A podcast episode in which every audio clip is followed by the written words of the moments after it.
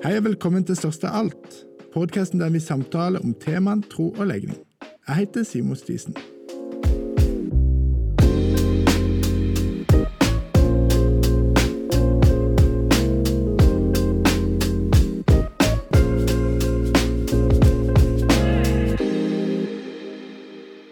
Før episoden begynner, så vil jeg bare benytte anledningen til å takke dere alle sammen som har lytta til den første episoden og gitt tilbakemelding til meg den siste uka.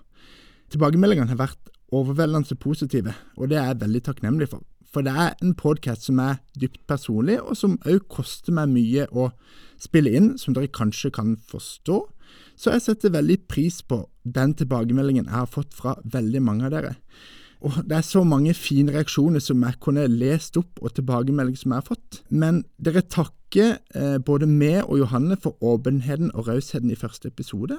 Eh, det er flere som sier at, eh, flere homofile som sier at vi på en god måte får satt ord på følelser og ting som de ikke har funnet de rette ordene for før, men som de nå føler at de har et bedre vokabular for å beskrive. Og så beskriver òg heterofile at det blir satt ord på på en måte som de iallfall tror de kan forstå. Og så er det noen som påpeker at den tematikken som vi snakker om, denne kampen mellom tro og legning, mellom ideal og realitet, at det er egentlig noe som er dypt menneskelig og har høy overføringsverdi til alle sider av livet, av det å være menneske. Eh, så det er et veldig bredt spekter av mennesker som har lytta til første episode, og jeg har fått utrolig mye gode tilbakemeldinger. og jeg vil bare si tusen, tusen takk for den. Det betyr veldig mye.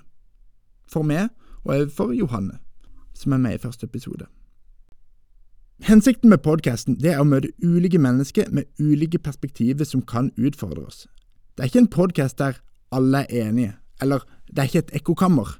Dette er en podkast der spørsmålene er minst like viktige som svarene. Og det er du som lytter sjøl eh, må gjøre opp dine tanker om hva du mener om disse tingene. Jeg håper at dagens episode kan utfordre deg og gi deg noen nye tanker og perspektiver på temaene tro og legning. God lytting. Hvordan er det å være homofil og gift med en kvinne? Dette er ett av mange spørsmål jeg skal snakke med dagens gjest om. Velkommen til studio, Gunnleiv Andersen. Takk skal du ha. Spennende å være her. Ja, og koselig å ha deg her. Takk skal du ha. Eh, for å begynne med det med en gang det er jo sånn at I samfunnet i dag så snakker man ofte om at man er homofil eller heterofil eller bifil. Mm. Men når jeg snakka med deg, så sa du at du var mest naturlig for deg å bruke merkelappen homofil. Ja. Og så er du gift med kvinne. Det stemmer òg. Og lykkelig gift. Det er òg riktig. Ja. Mm. og du har barn og Det også.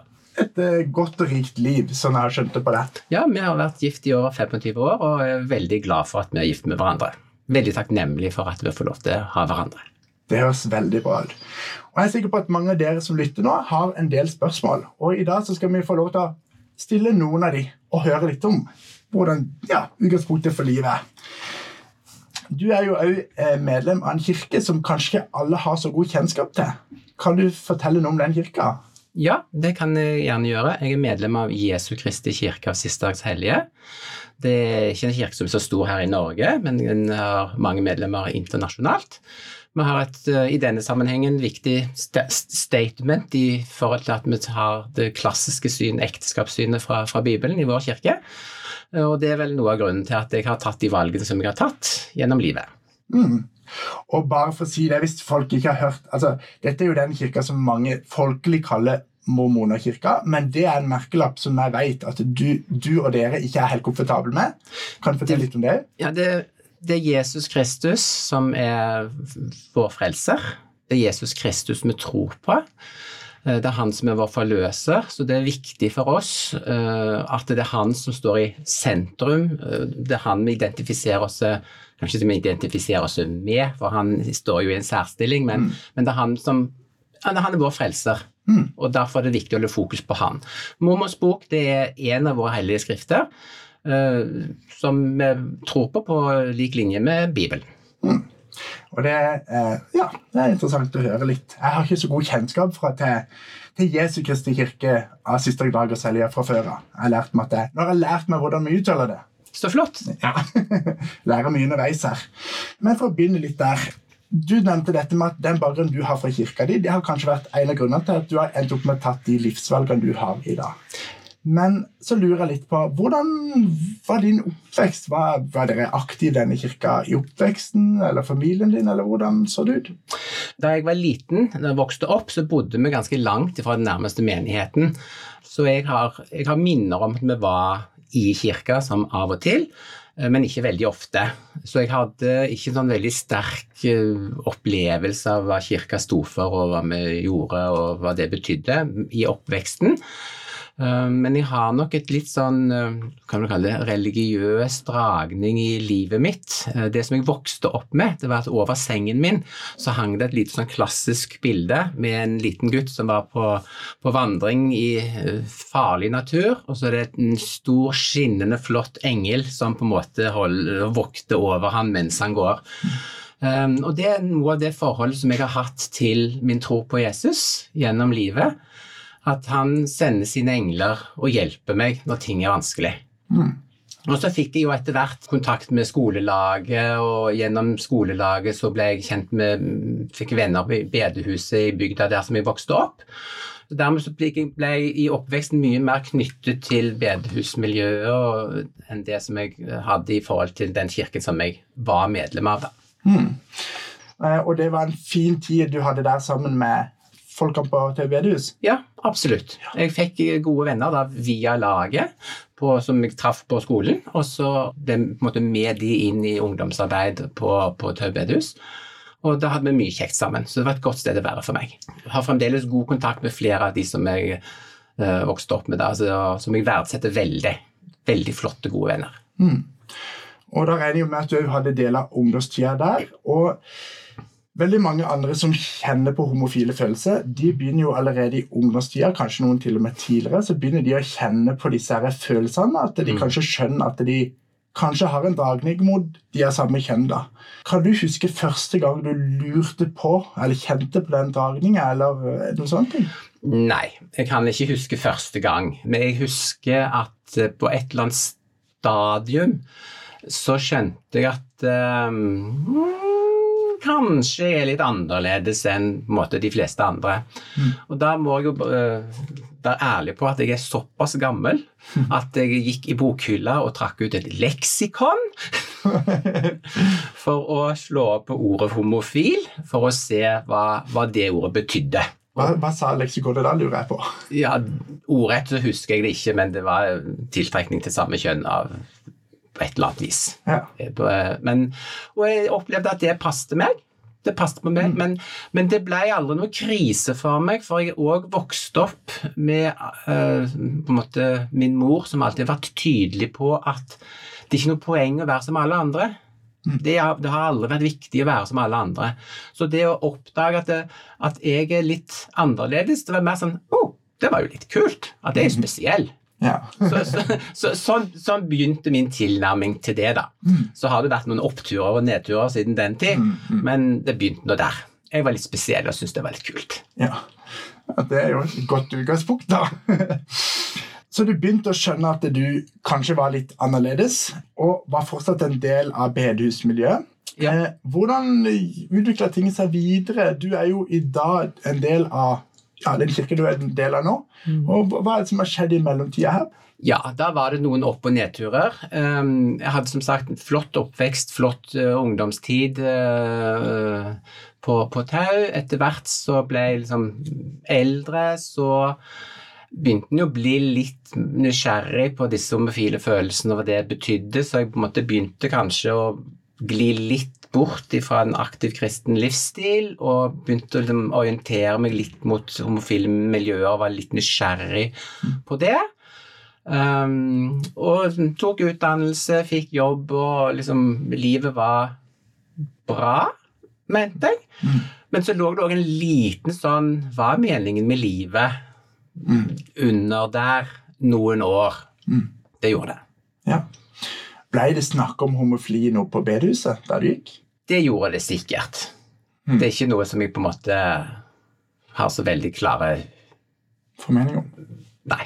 Fanger det ikke liksom spesielt opp. det ble sikkert nevnt. Jeg antar det var naturlig at det ble det. Ja, nei, det, det, det er jo mange steder der det iallfall har vært gjort, og så er det noen steder der de ikke har snakket om det i det hele tatt. eh, er mitt inntrykk.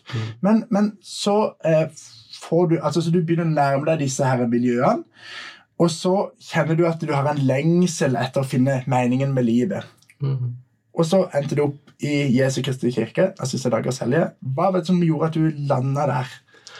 Ja, det er litt sånn interessant for mitt vedkommende. Det var Jeg gikk jo rundt og mente at livet var bra, og det var sikkert bra, eh, men litt sånn lengt som var litt sånn udefinerbart for meg.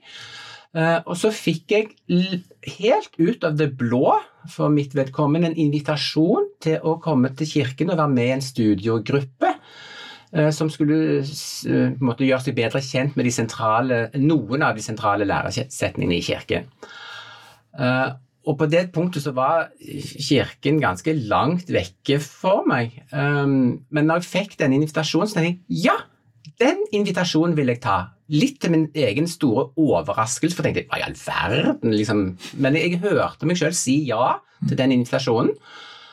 Uh, og så når jeg fikk tenkt meg om, så tenkte ok, ja, nå skal jeg gi det en sjanse. Jeg har vært medlem av denne kirken hele livet, vet veldig lite om den, vet lite om teologien, hva er forskjell på den og andre kirker og trossamfunn som jeg kjente.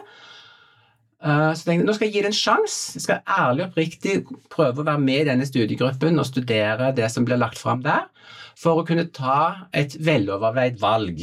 Enten om at nei, dette er ikke noe for deg, Gunnleiv. Dette, liksom, og da tenkte jeg da er det best å melde seg ut. Såpass ærlig måtte jeg være mot meg sjøl. Det føltes ikke riktig å være medlem av en kirke som jeg ikke på en måte kjente så godt. Så enten så fikk jeg studere det, og hvis det føltes riktig å melde seg ut, så fikk jeg melde meg ut. Hvis ikke, så fikk jeg ta troen litt mer på alvor og, og gjøre det til en aktiv del av livet mitt. Så det var take it or leave it. All in eller all out. Og det ble all in? Det ble all in. Det var um, Jeg vet ikke om jeg kan si det var much to my surprise, men, men um, det opplevdes så fint å komme inn i det miljøet. Ble utrolig godt mottatt. Vi hadde det veldig kjekt sammen. Jeg følte veldig at jeg landa åndelig sett. Jeg hadde kommet hjem sånn åndelig sett. fordi selv om jeg hadde hatt mye fint på bedehuset opp gjennom ungdomstiden, så visste jeg hele tiden at jeg var medlem av en annen kirke, så det var litt sånn tosidighet, selv om det var veldig mye fint og ble tatt godt imot på alle vis. Um, så nå følte jeg veldig på dette. Dette er meg. Her hører jeg til. Dette. Og det er nå én ting, men det viktigste Det førte meg til et forhold til Jesus som jeg ikke hadde hatt før. Mm. Så um, Ja, og derfor så ble jeg. For det gjorde meg kjent med Kristus på en måte som jeg ikke hadde vært før. Og det var så stort for meg at det da fant jeg ut at her vil jeg være. Du gikk all in, fulgte Jesus. Hva innebar det for de homofile følelsene eller de lengslene som lå der? på en måte? I begynnelsen så tenkte jeg ikke så mye på det, fordi det var bare så godt å være her, eller å være der. Så, så det var Bare kjente på det og fryda meg over det.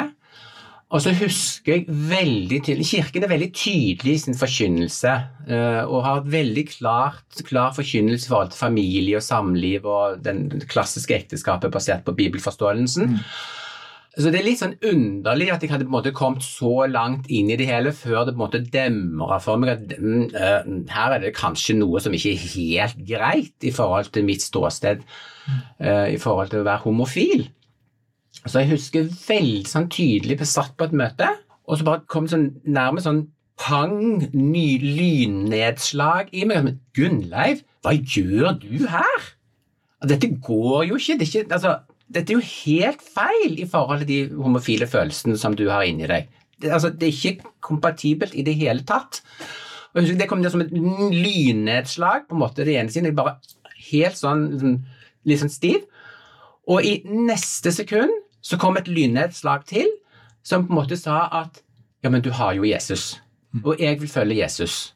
Og jeg skjønte umiddelbart at når jeg hadde sagt det inni hodet mitt, at det betydde at da må du leve enslig resten av livet. Ok, jeg får bli en rar gammel onkel i familien, tenkte jeg, og det får være greit. For de opplevelsene som jeg hadde hatt med Jesus i livet mitt, de var så store og så vakre at det var det viktigste for meg. Mm. Og da var det Så får resten bare være. Mm. Det er jo mange som eh, ikke er troende, som stiller spørsmål med om det livsvalget du velger om å leve alene, at det er et resultat av en ytre press eller et indre valg fra en egen overbevisning. Mm -hmm. I de tilfellene så vil du si at det var For meg helt tydelig en, en, et ønske om å følge Jesus mm. fordi han hadde gitt meg så mye fint i livet mitt. At det da, og, og det var viktigere enn eventuelt partner eller noe sånt. Så, så jeg, jeg, valgte Jesus, mm. og så fikk konsekvensen bli som den blir. Mm. Og dette valget tok du tidlig i 20-årene? Ja, litt godt, godt ut i 20-årene. Vi hadde passert 25 eh, og litt oppover. Så jeg hadde kommet et godt stykke inn i den unge voksne-perioden da. Mm. Så du tar et valg. Jeg vil følge Jesus, for det innebar det å ikke leve ut de følelsene. Og du innstiller deg på et liv der du skal leve alene. Men uh, du lever jo ikke alene. Nei, det, ting skjer jo.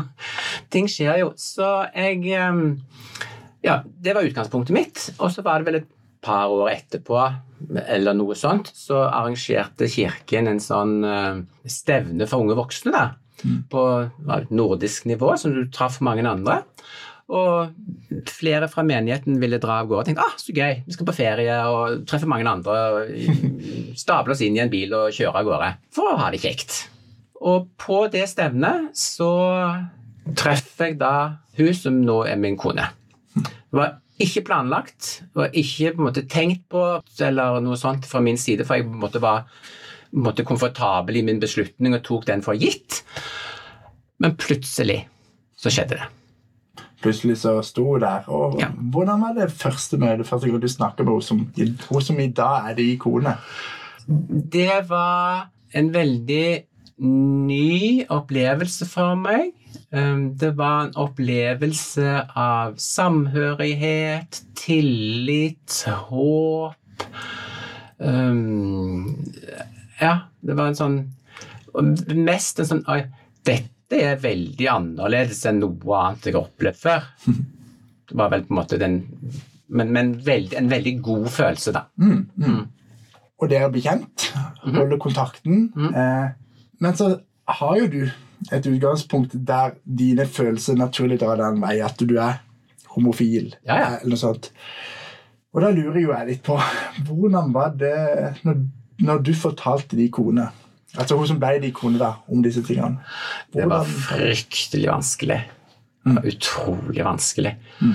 Um, jeg hadde blitt veldig glad i henne. Um, og følte en veldig nærhet, veldig tilknytning, veldig samhørighet med henne. Um, når vi hadde vært kjente en stund, så, så, skjønte jeg jo at det var liksom naturlig at det skulle gå i en retning av et ekteskap det syns jeg var uh, skummelt. Uh, for det, det, var noe som jeg aldri hadde forestilt meg. Det var liksom helt utafor planen min, det var helt utafor forestillelsesverdenen min, på en måte. Mm. Så det var skummelt. Og så samtidig så følte jeg veldig på at eh, hvis jeg skal tørre å gå inn i dette, så må jeg i alle fall ha vært ærlig overfor henne.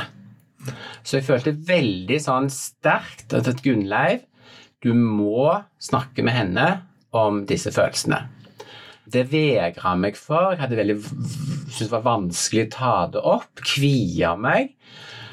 Og den dagen jeg hadde bestemt meg for at nå må det skje, så uh, så så jo hun at det var et eller annet jeg skulle si, og jeg fikk det ikke ut. Klarte ikke å si ordene høyt. Mm.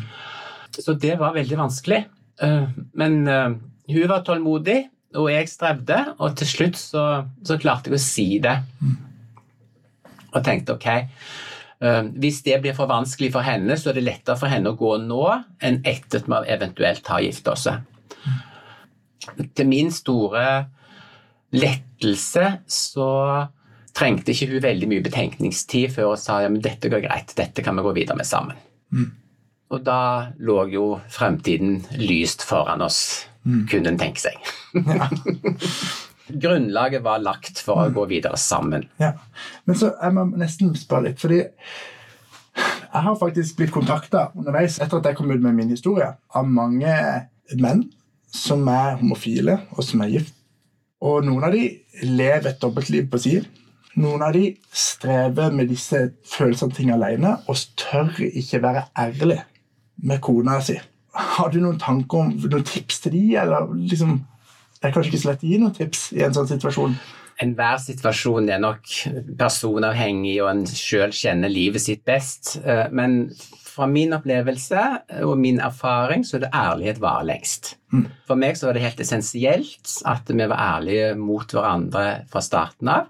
Og det har jeg eh, aldri angra på. Fordi mange år etter at vi var gift, så dukka dette opp eh, i en vanskeligere variant. Eh, og da å ha snakket om dette tidligere og vært ærlig på det tidspunktet, så kunne vi òg sammen håndtere det da det ble vanskelig. Mm. Så jeg tenker ærlighet varer alltid lengst. Det er det beste jeg kan si, men så må du anerkjenne ulike situasjoner og ulike ståsteder og ulike liv. Du snakker om en vanskelig fase i forhold til disse tingene. Jeg har lyst til å utdype litt hva du tenker på. Når var det disse tingene var ekstra vanskelig? Vi hadde vært gift i mange år, eh, hadde fått barn, småbarnsforeldre, travet på jobben, aktiv i menigheten, så skjedde mye. Det var mye greier på gang. Jeg er en relativt start og følsom person, så ting går veldig inn på meg. Så på et sånt tidspunkt så, så møtte jeg veggen, liksom på jobben. Det var bare gikk bare rett ned. Og da, når på en måte de mentale forsvarsverkene på en måte er nede, så kommer jo alt rullende.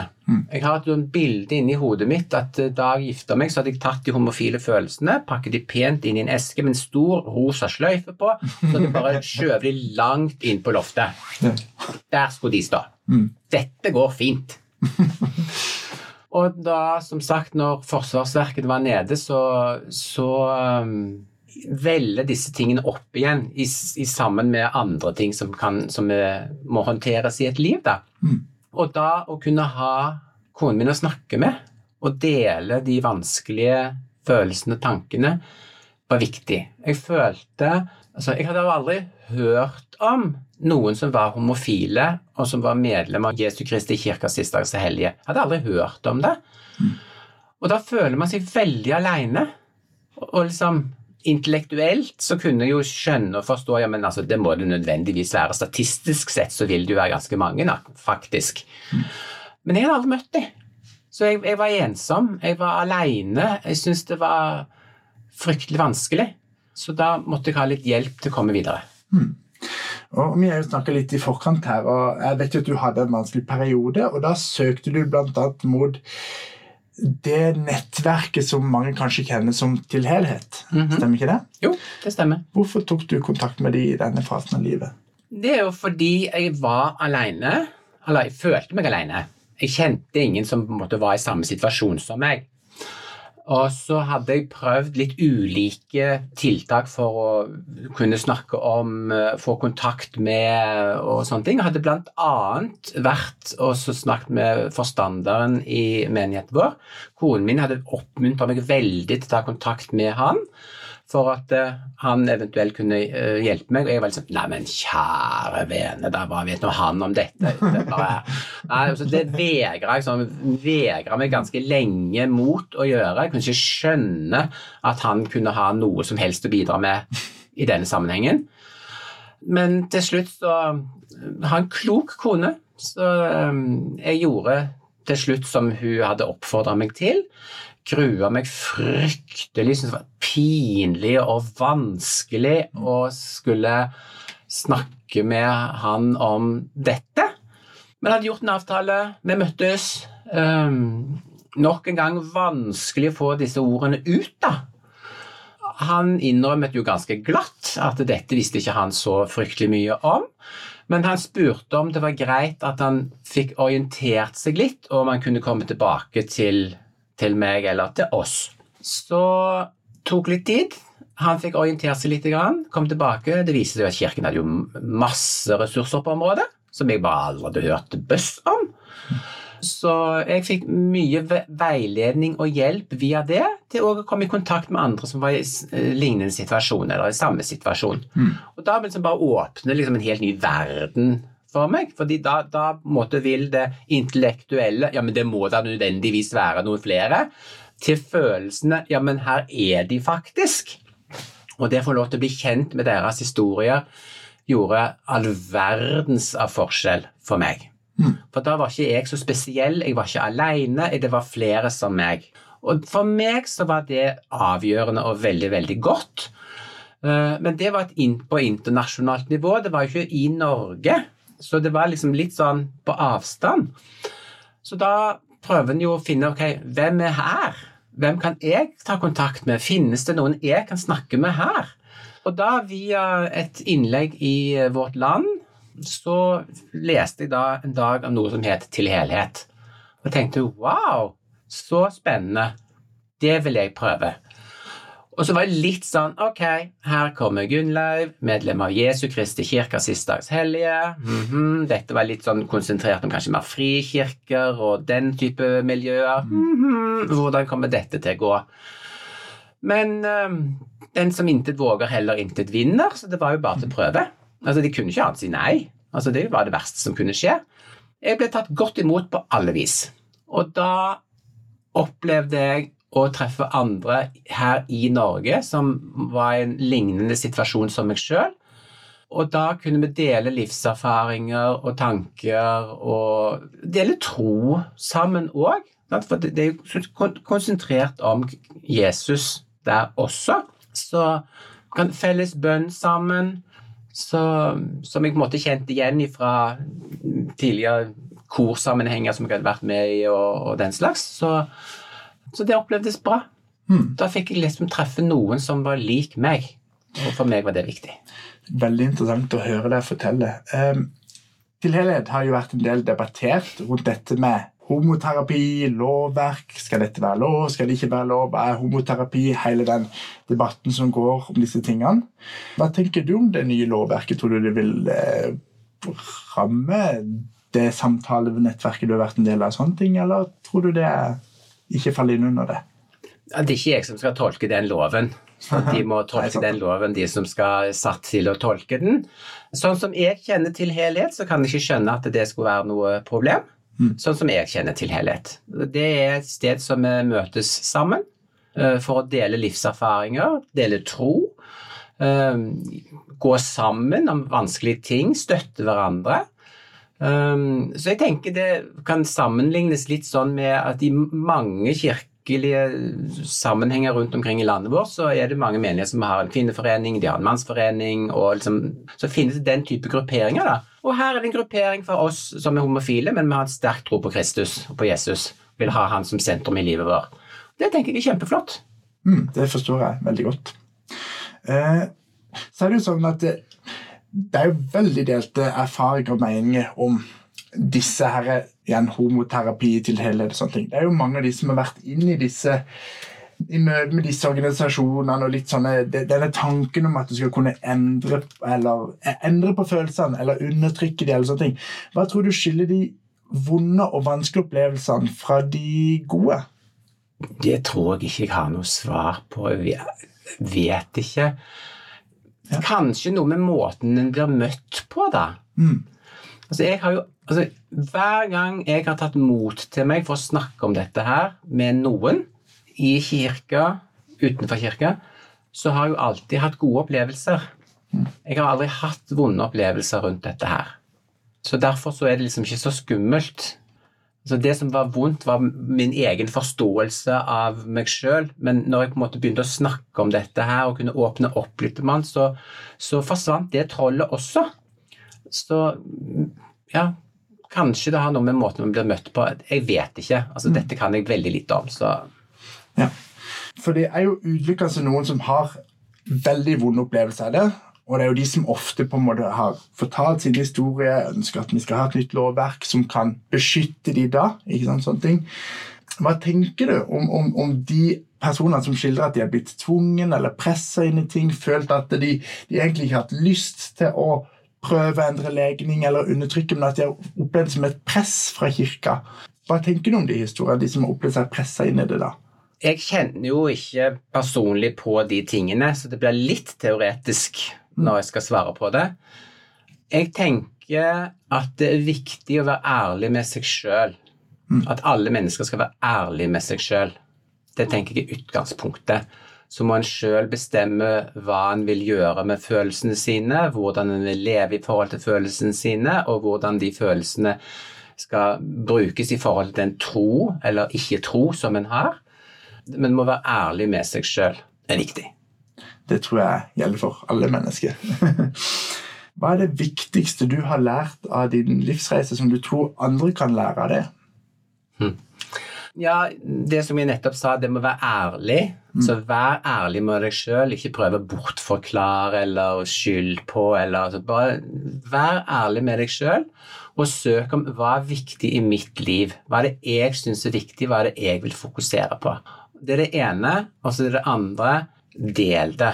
Ikke gå og bær på det på egen hånd. Det, det er bare vanskelig hvis en skal prøve å skjule det eller holde det hemmelig eller et eller annet. Nei, Del det. Et gammelt ordtak, det kan ikke brukes direkte, men det er litt sånn Delt glede, dobbelt glede. Delt sorg er halv sorg. Det er ikke nødvendigvis at en har sorg over å ha denne type følelser, men jeg tenker del det. Snakk med noen. Ikke bær på det aleine. Tror du at det går an å bli fullstendig fri? fra de homofile følelsene man bærer. Mange av de som skildrer homofile følelser, som har gått til ulike samtaleformer og forbønn og det ene og tror du det er noen av de som genuint har slippa å bære på alle de følelsene, på en måte, eller at de har endra på følelsene, at de ikke kjenner på det i det hele tatt lenger? Det må de svare på på egen hånd. Altså, når de forteller om den type opplevelser, så har jeg ingen grunn til å ikke tro dem. Jeg har ikke opplevd det for min del, eh, og jeg lever godt med det allikevel. Hmm. For det, det, Mitt inntrykk det har vært at her har det skjedd en veldig endring på ti år. Nå kommer jeg fra en litt sånn pinsekarismatisk sammenheng der, der man er kanskje litt sånn opptatt av helbredelse. Din tro har frelst deg, de sånn, helbreder deg, forandrer på de følelsene. Og at det har vært veldig mange sånne historier som jeg har hørt opp igjennom, der folk har fortalt om at nei, de tok en bestemmelse, eller de gikk fram til forbønn, og så plutselig bare fjo, og så forsvant liksom hele det følelsesaspektet. Og Sånn var det mange historier for ti år siden. Men i dag så opplever jeg at de fleste historiene av folk som forteller om at de har endra på legning eller gått inn i heterofile relasjoner, de er mer ærlige og sier at nei, jeg kjenner på de følelsene at de ligger i der. Men at på et eller annet vis så har de slått seg til ro med å enten leve i forhold med ei dame eller noen sånne ting. Men at det er veldig få som faktisk sier at de har blitt fullstendig fri fra de følelsene gir det noe mening for din del, eller er det, er det bare jeg som kanskje har et bilde der av det?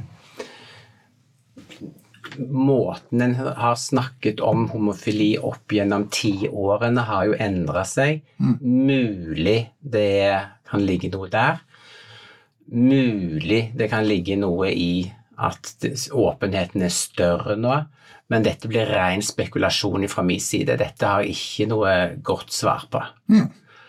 Men det som jeg tenker er viktig, eh, det er jo å eh, være ærlig, tro mot seg sjøl og være åpen om det, for det er ingen grunn til å skjule det. Mm. Vi er alle Guds barn, og vi kommer i ulike varianter. Og så må vi leve sammen, hjelpe hverandre i det, mm. tenker jeg. Mm. Eh, hvorfor tror du så mange mennesker har problemer med å forene homofile følelser og kristen tro? Um, ja, jeg har altså ikke problemer med det. Nei. så hvorfor noen har problemer med det um, Det vet jeg ikke. Mm. Den reisen som du har vært på, og den konklusjonen du har hatt med at du har valgt å gifte deg og ha det godt da, så derfor står på det, Tror du det er en farbar vei for alle som sitter og kjenner på de følelsene? Jeg skal ikke være noen Kirsten Giftekniv her, på ingen måte. Eh, det er et helt personlig eh, valg eller en, som en må ta for sin egen del, og det er ikke et valg som du kan ta på egen, for, bare for deg sjøl heller, for det involverer jo en annen part også, som må velge å være med på den reisen eventuelt. Så det tenker jeg Jeg skal ikke Jeg kan snakke for mitt liv. Jeg er svært takknemlig for at jeg har fått lov til å leve det livet som jeg har. Og så må andre ta valg for sine liv ut fra sine forutsetter og sine omstendigheter, hva som vil være best for dem. Mm. Og så har jeg lyst til å spørre deg litt her på slutten om, om dette med I menighetene og i kirkene så er dette ting som i mange kirker er Det snakkes nesten ikke noe om dette med homofili. Og mitt inntrykk er at det er veldig mange pastorer og ledere som kvier seg for å snakke om tematikken i det hele tatt, fordi det er for vanskelig. Hvordan mener du at vi bør snakke om denne tematikken i, i kirken? Vi må bare snakke om det.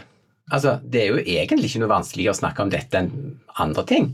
Jeg erfarer i, i vår kirke, da, kirken som jeg er medlem av, at uh, i forkynnelse der en måte innom at livet har mange fasetter, mange utfordringer. Eh, så ser en på det ene, så ser en på det andre, så ser en på det tredje og på det fjerde. Så nevner en òg dette med LHBT. Mm. Og, og at det er også en, I og med at vi er en kirke som på en måte står for det klassiske ekteskapssynet, så, mm. så er det jo klart at det er en utfordring for liksom skal si, noen eller mange. Det vet jeg ikke.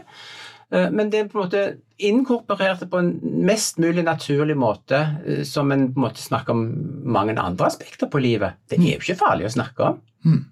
Nei, det er, det er ikke det. Hvis du skulle sammenfatte det viktigste du vil formidle til homofile som sitter ute her og lytter til denne podkasten Hvis du skulle formidle hva er det viktigste de trenger å vite? Du er elsket av Gud.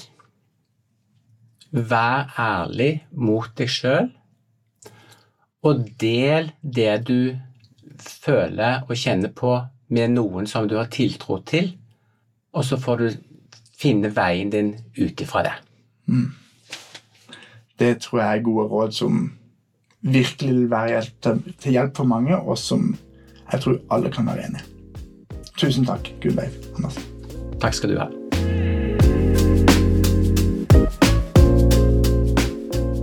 Takk for at du lyttet til podkasten Størst av alt. Har du innspill, tilbakemelding eller en historie som kan være verdt å fortelle, kan du ta kontakt via vår Facebook-side Størst av alt. Vi håper du liker podkasten, vil abonnere på den og anbefale den til andre. Lykke til med samtaler.